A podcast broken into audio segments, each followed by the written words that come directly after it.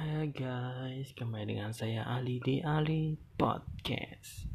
Para pendengar sekalian, oke. Okay. Udah kayak pembawa acara radio bukan ya? Belum ya? Oke. Okay. Jadi sekarang uh, saya akan membawakan sebuah berita yang lagi viral lagi dan sedikit saja nanti saya akan lanjutkan dengan uh, sharing ilmu lagi tentang profesi saya saat ini yaitu desain grafis dan bagaimana selanjutnya ya next nanti kita akan bahas tentang desain grafis secara utuh secara penuh dengan berbagai segmen hanya di Ali Podcast. Oke. Okay? dan tidak menutup kemungkinan ya kita akan collab dan podcast bareng sama profesi-profesi lain yaitu teman-teman saya. Saya punya teman itu profesinya insinyur arsitek. Dia ahli dalam bangunan. Yang satunya itu ahli dalam uh, seni ya terutama gambar dan lukis. Berikutnya itu gamer. Dia profesi ya saya bilang gamer karena ya dia lebih youtuber daripada saya yang youtuber yang pemula ini. Lalu saya juga punya temen. Dia itu visioner jadi dia punya usaha di mana-mana. Maksudnya ya kecil-kecilan cuman dia berani mulai gitu. Ya dia juga tender di uh, tender atau apa ya? Bukan. Dia juga sales dari perumahan dan rumah-rumah mewah. Jadi mungkin kita bisa tanya-tanya sama mereka nanti di kesempatan lain ketika saya bisa kontak mereka dan mereka mau diajak podcast oke? Okay? so langsung aja kita akan bahas hal yang lagi viral nih. Jadi ada namanya dulu itu kakaknya desa penari. Masih inget ya masih dong. Oke. Kita akan kembali lagi ke dulu ya flashback bentar. Jadi uh, baru aja nih saya lihat di YouTube tuh ada film Kakek Desa Penari tapi teaser ya, trailer. Dan itu uh, company-nya MNC. Oh, mungkin bagus karena memang saya lihat aktrisnya dan aktornya cukup terkenal juga gitu, tapi saya search lagi ternyata ada film fullnya cuman versi fan fan made ya. Jadi buatan dari fansnya gitu. Yang memang takjub dengan cerita itu dan akhirnya dibikin film.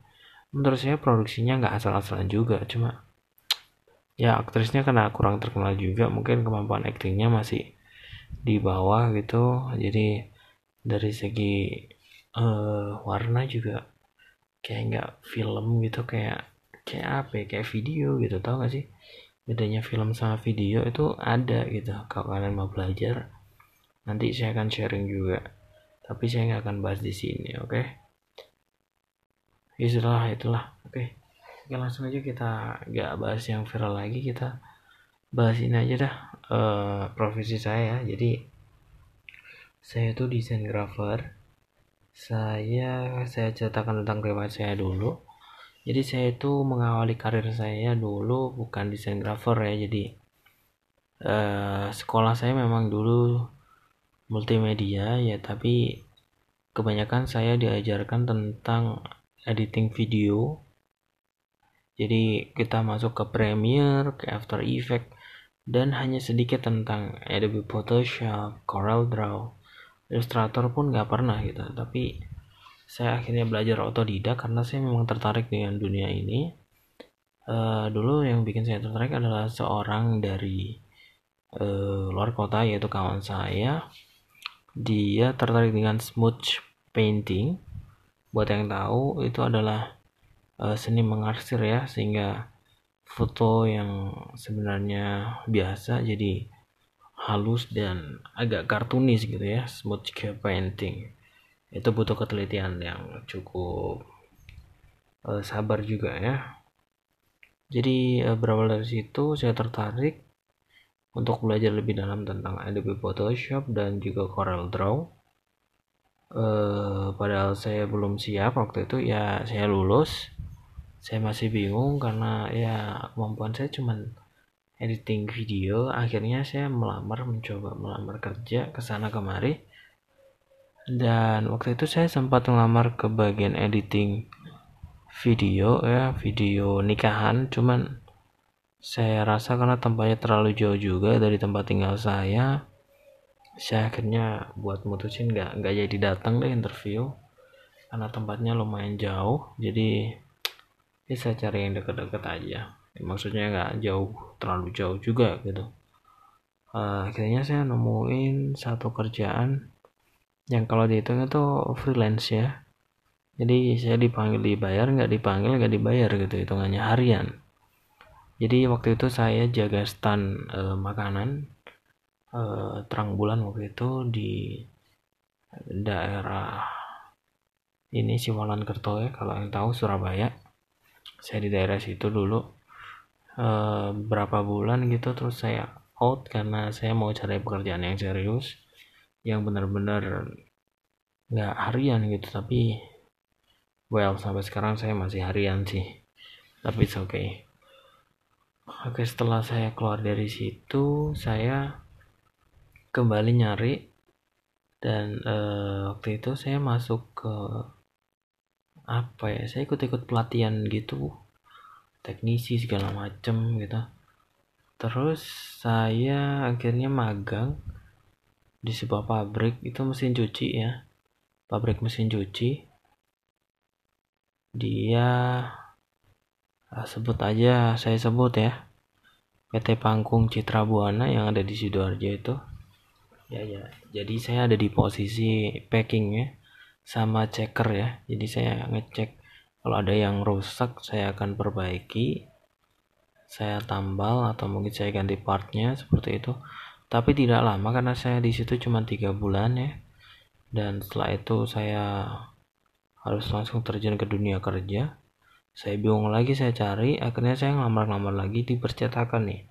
Ini mulai berani buat ke percetakan karena saya takut ya dulu tuh karena memang skill saya cuma segitu. Dan basic saya memang nggak banyak. Jadi saya otodidak buat belajar desain waktu itu. Lalu saya nemuin satu company yang cukup besar yaitu namanya Solaris Digital Printing kalau kalian tahu.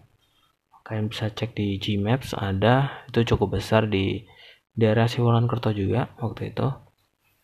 Dan saya masuk ke situ saya mulai belajar hal-hal baru tentang desain layouting uh, numbering numerical kayak uh, uh, apa namanya numerator gitu-gitu yang biar cepet gimana desain ngadepin klien gimana Nah, ya akhirnya saya merasa ini kok mentok di sini nih. Kayaknya nggak ada hal baru nih. Saya harus explore yang nggak ada di sini. Oke, akhirnya saya memutuskan untuk out keluar dan saya masuk ke sebuah percetakan lagi. Saya sebut nggak apa-apa ya.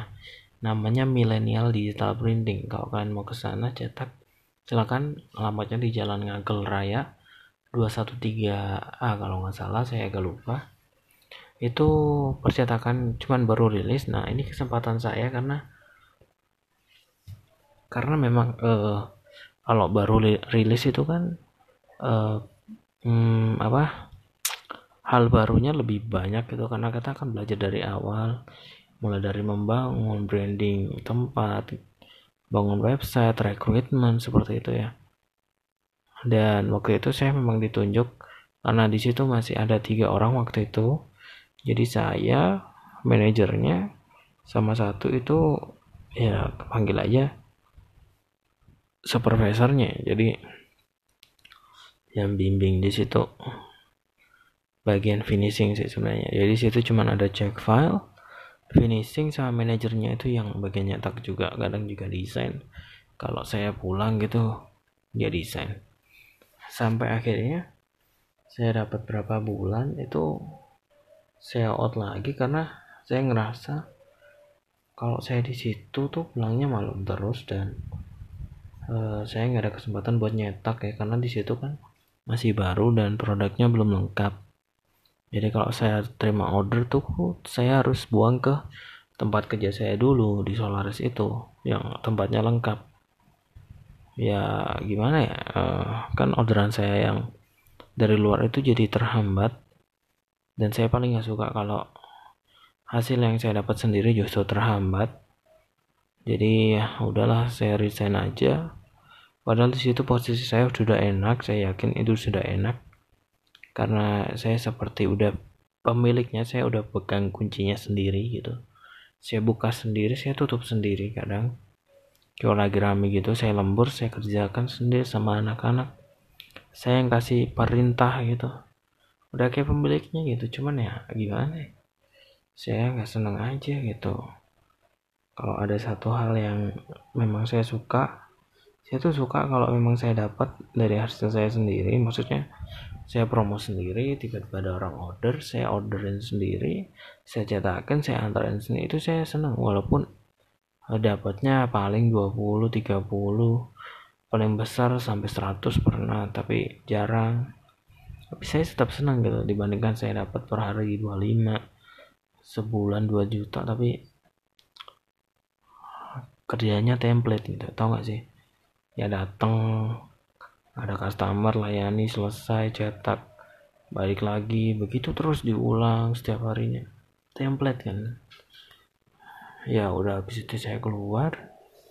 Uh, saya masuk ke pelatihan lagi nih cuman teknisi ini komputer.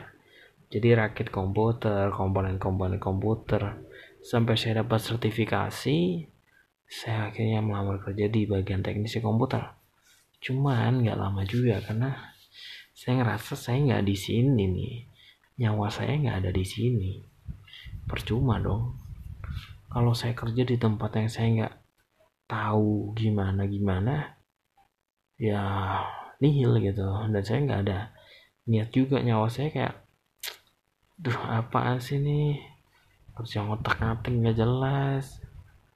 Ya udahlah akhirnya saya out lagi dan saya sempat uh, ikut orang lagi jual makanan minuman lagi kali ini. Saya kan belum pernah minuman nih saya itu orangnya explorer gitu. Coba-coba waktu itu gajinya cuman sedikit sih cuman ya nggak apa-apa lah buat coba. Itu paling bentar tuh pengalaman kerja paling bentar ya itu. Dua bulan percobaan tuh waktu training. Sebelum trainingnya selesai saya udah out keluar karena ini nih menarik nih. Saya ditawarin dari pekerjaan saya sebelumnya. Yang printing besar itu saya ditawarin buat masuk lagi jelas saya tertarik dong karena saya bandingkan dengan yang sekarang tuh kayaknya lebih besar yang sekarang nih dan ada feedbacknya juga saya ada kenaikan sedikit dalam gaji jadi ya oke okay, saya masuk dan sampai sekarang saya bekerja di tempat ini. Nah, di sinilah karir saya terus naik seperti itu. Dan saya sudah hampir berapa lima bulan sepertinya di sini. Dan saya yakin saya bisa bertahan lama karena ya well saya udah tahu seluk beluknya tempat ini dulu hampir 9 bulan di sini. Masa ya orang mengandung aja 9 bulan udah bertahan gitu. Masa saya 9 bulan nggak tahu apa-apa gitu kan aneh gitu. Jadi it's okay sampai sekarang saya di situ. Nah, sekarang saya akan bahas tentang desain grafis tapi di segmen selanjutnya. Tentang apa itu desain grafis dan kerjanya gimana, alurnya gimana, nanti saya akan bahas di segmen selanjutnya. Jangan lupa stay tune terus di Ali Podcast. Bye. Hai guys, kembali dengan saya Ali di Ali Podcast. Oke, di segmen kedua ini setelah sponsor sebentar tadi uh, minum-minum bentar ya eh, nggak usah jelasin lah oke jadi langsung aja kita masuk ke topik di mana saya akan menjelaskan desain grafis itu apa job desknya apa alurnya kayak apa jadi pertama desain grafis itu adalah sebuah pekerjaan untuk mendesain atau menggabung-gabungkan suatu objek yaitu berupa teks, gambar, eh, grafik, data, dan warna. Jadi mereka akan jadi satu komposisi yang pas untuk menjadi sebuah produk yaitu bisa berupa pamflet, brosur, banner, X banner, undangan, mo, uh, merchandise yang lagi tren masker dan masih banyak yang lain yang tentunya punya nilai jual tersendiri seperti itu. Ada juga desain yang khusus jadi desainer itu desain grafis itu memiliki beberapa cabang yaitu ada yang alirannya pop art ada yang khusus logo design UI UX branding uh, desain layouter dan segala macam. Jadi bercabang tapi di uh, job desk saya untuk di pekerjaan saat ini adalah mencakup semuanya. Tentu saja dengan fee yang wajar dan standar ya kalau kita mau terjun ke dunia desain grafis profesional kita harus punya branding nama sendiri baru kita bisa naikkan fee kita. Kalau kita masih kecil seperti ini masih tahapnya medium lah. Kita belum punya branding nama dan relasi jadi ya kita nggak bisa range naikkan range nya kita jadi tinggi. Jadi uh, saya akan masuk ke job desk-nya ya. Jadi di sini saya job desk-nya adalah jika di dunia industri industri percetakan yang saya alami yaitu saya itu alurnya jadi kebetulan saya online jadi ketika saya terima file email nanti customer service itu akan melanjutkan ke saya untuk dicek filenya. Jadi dicek file itu kita pertama harus cek dulu ukurannya sesuai request. Misalnya ukurannya 10 kali 10 kan kotak nih dalam logika aja kotak. Terus customernya minta 10 kali 5 nah otomatis ada resize yang nggak wajar di situ ya mungkin kita cropping atau kita uh, paksa gitu. Kalau dipaksa kan hasilnya jelek. Misalnya ada gambar bulat di situ pasti jadi lonjong kan? Ya dong pasti jadi lonjong. Jadi itu yang kita confirm ke CS nya kalau memang e, bentuknya tuh berubah atau mungkin nanti jadinya kayak gini kalau ukurannya segini jadikan segini gitu. Terus kita akan cek resolusinya dan untuk ketentuan desain grafis sendiri kita punya ketentuan masing-masing untuk resolusi gambar. Jadi untuk ukuran besar kita pakai resolusi kecil. Dan untuk ukuran kecil kita pakai resolusi besar. Kenapa? Karena semakin besar gambar itu depth depth apa dotnya itu nggak perlu banyak. Semakin besar kan mata kita semakin jeli nih. Semakin kelihatan jadi dotnya itu nah jaraknya agak besar aja. Jadi uh, resolusi itu kayak apa ya? Kamu gambar ini nih. Ah ini kayak apa ya? Ibaratnya kalau resolusi rendah tuh kayak Minecraft ya Minecraft. Ya kayak gitu lah. Dan resolusi tinggi itu kayak game-game zaman sekarang yang 4K kayak gitu-gitu. Jadi perubahannya seperti itu. Jadi kalau makin kecil kita harus pakai resolusi yang makin besar gitu oke okay, next setelah cek resolusi cek ukuran kita cek warna. Karena kebanyakan warna tinta yang kita pakai. Jadi kebanyakan warna yang kita pakai di mesin produksi adalah warna CMYK, tonnya CMYK. Jadi kalau kita pakai RGB otomatis akan turun. Karena warna CMYK itu cenderung soft dan gak bisa yang light ngejreng banget kayak RGB karena memang tintanya itu cuma terdiri dari cyan, magenta, yellow dan hitam. Kalau RGB itu memang warna cerah jadi red, green, blue dan hitam.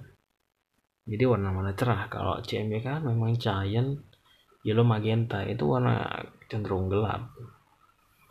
Jadi kita cek ukuran resolusi warna selesai habis itu confirm kalau udah sesuai semua ya udah di save ke lokasi yang udah ditentukan. Save save oke. Okay.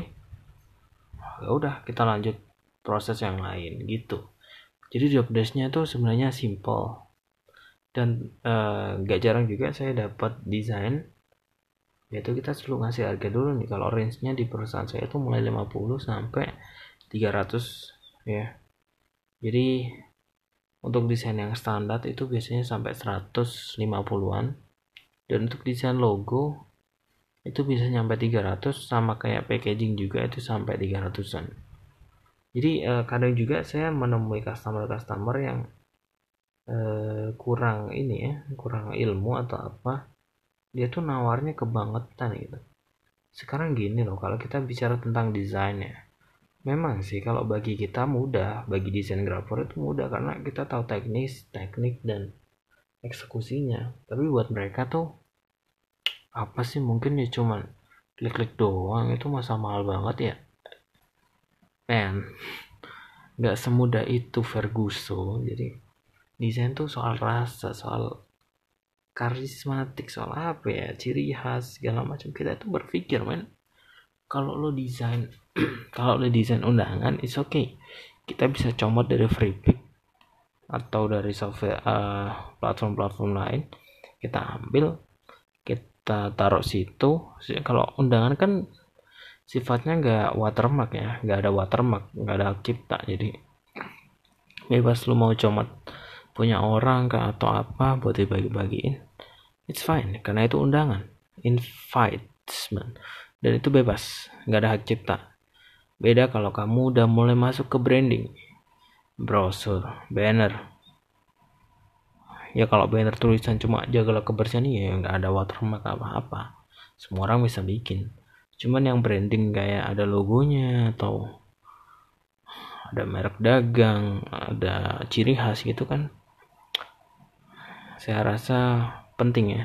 Apalagi soal logo ya logo itu vital banget jangan bilang lo logo cuman gambar ini doang. Kecil aja kok mahal banget sampai 300 eh jangan salah itu udah murah loh. Kalau kamu ke profesional design grafer yang memang mereka bekerja pada project aja tanpa cetak itu bisa sampai 3 sampai 5 jutaan loh. Nggak percaya bisa cek aja di channelnya Rio Purba. Itu lengkap banget tentang desain grafer ya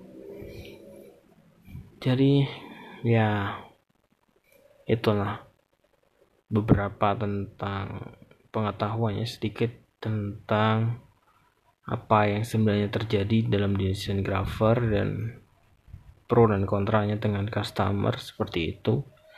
Dan untuk tipe-tipe customer sendiri itu macam-macam. Itu akan saya bahas di segmen selanjutnya. Oke okay? stay tune dulu ya. Saya mau minum dulu. Haus. Oke okay? bye halo yo yo yo yo yo yo kembali lagi ke Ali Podcast oke sekarang kita masuk ke karakter-karakter seorang klien dari desain grapher itu sendiri ya jadi pertama itu ada karakter yang pasrah. Ini karakter idola dari seorang desain grafer nih. Berapapun harganya dia pasrah. Dan berapa kayak gimana pun hasilnya dia pasrah. Ini idola banget ya. Dan ketika ditanya, apakah udah sesuai pak? Ya saya ikut masnya aja, gimana bagusnya, saya percaya. Wow. You're, I love you man.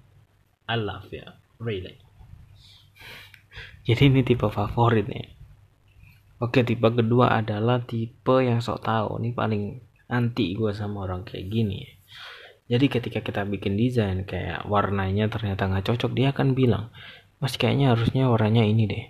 Terus bentuknya gini jangan kayak gini nanti kelihatannya kurang bagus. Oke saya ganti. Spread tapi mas kayaknya bagus yang tadi deh. Dan bentuknya kayaknya ganti lagi deh. Jepret. Revisi lagi. Mas bentuknya diubah deh warnanya ini aja cuman bentuknya diubah lagi gitu. Sekarang gini deh. Kalau punya konsep kenapa lo nggak konfirmasi ke kita gitu? Terus kita bikinin bentuknya biar kelar cepet gitu kita juga punya proyek yang lain men. Nggak ngurusin kamu doang gitu.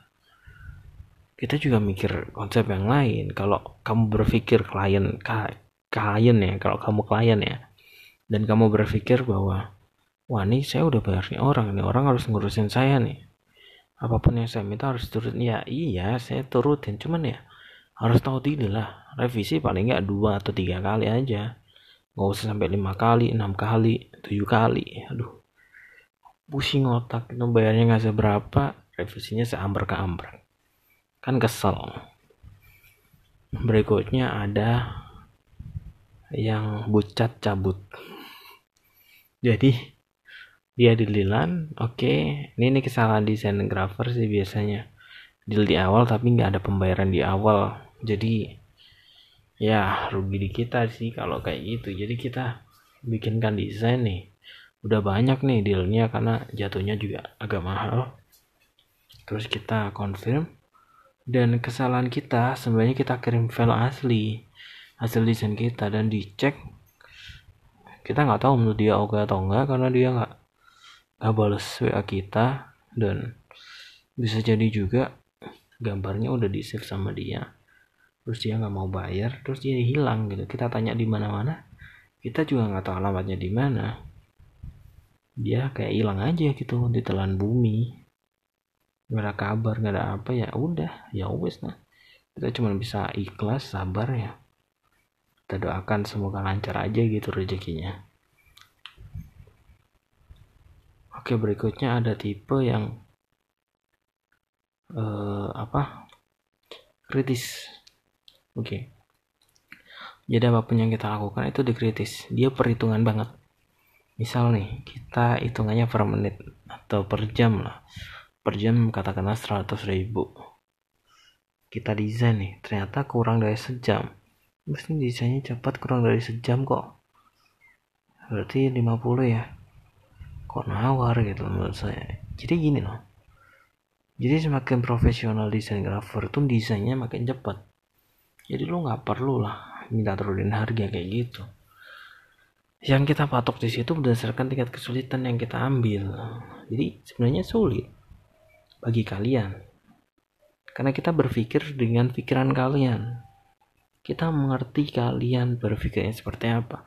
Misal kita bikin tulisan aja dilarang parkir.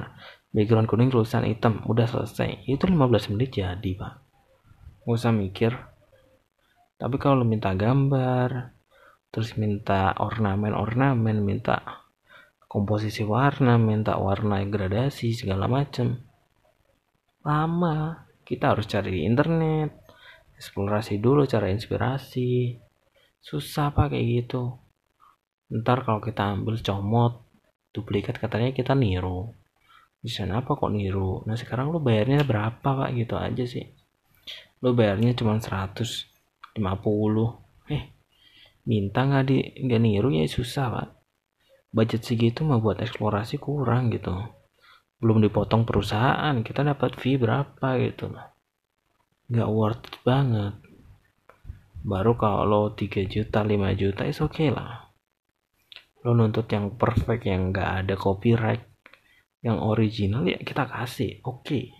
kita research dulu mungkin seminggu seminggu baru jadi desainnya. Karena memang pengerjaannya cukup lama kita harus eksplorasi dulu segala macem. Baru kita bikinkan konsep desain. Itu sudah sama revisi-revisinya gitu. Karena desain tanpa revisi itu kayak ikan asin tanpa kucing. Gak lengkap. Oke okay, next. Eh apa ya? Saking banyak pelanggan saya sampai lupa loh tipenya kayak gimana aja gitu. Tapi yang jelas aneh-aneh gitu ada yang tipe teman sendiri gitu ya. Ya walaupun teman sendiri sih. Tahu kan teman sendiri harga teman tuh gimana ya? Desain bro. Desain piro bro. 500 bi mahal. Gratis lah. Bodoh lah. Orang-orang nawar 100 300 nih. Gratis lah. Gua makan pakai apa bro? Listrik pakai apa gitu. Listrik juga bayar buat desain komputer rakit nggak murah cuy modalnya. Minta gratis nih.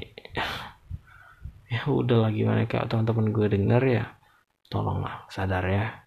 Sadarkan dirimu bro. Kamu udah tersesat jauh. Di alam sana lihatlah ada cahaya bangun bangun dan bangun oke? Okay? mungkin anda terhipnotis.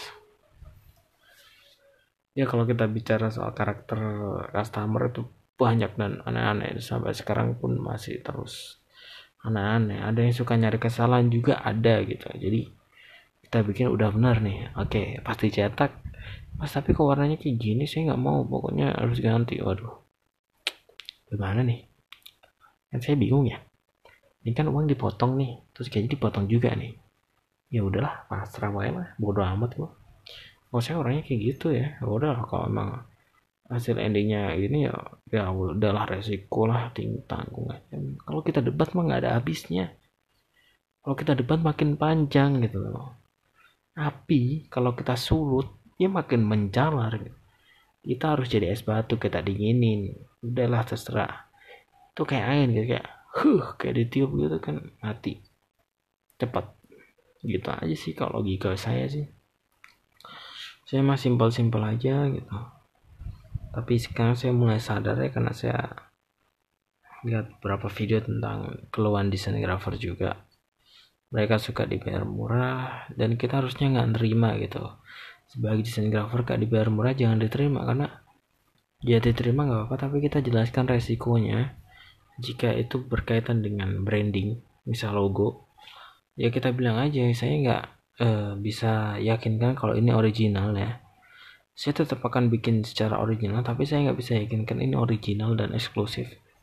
Karena harga dengan segitu ya kita kurang lah pak. Standarisasi untuk logo itu sekitar 300 3 juta bahkan 5 jutaan gitu loh pak buat branding logo. Iya karena logo itu seumur hidup pak. Lo bakal pakai logo itu terus di perusahaan lo nggak mungkin lo sebulan ganti logo sebulan ganti logo. Lo tuh niat nggak bikin perusahaan gitu aja sih kalau niat ya udahlah lo rogo krocek kocek berapa gitu agak agak dalam tapi hasilnya bagus dan ori. Ya kayak kasus-kasus ini nih. Uh, uh, logo geprek mensu itu ternyata nyomot dari free itu source source-nya desain grafer yang free ya biasanya kita comot-comot dari situ.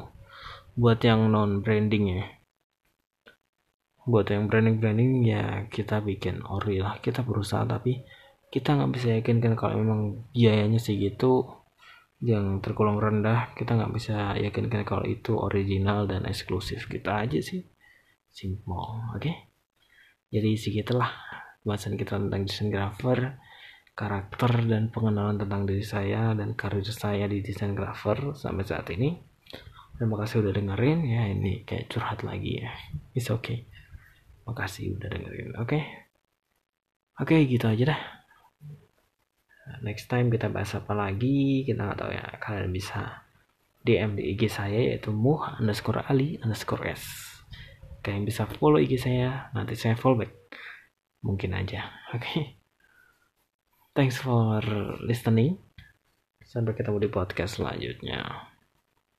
Dah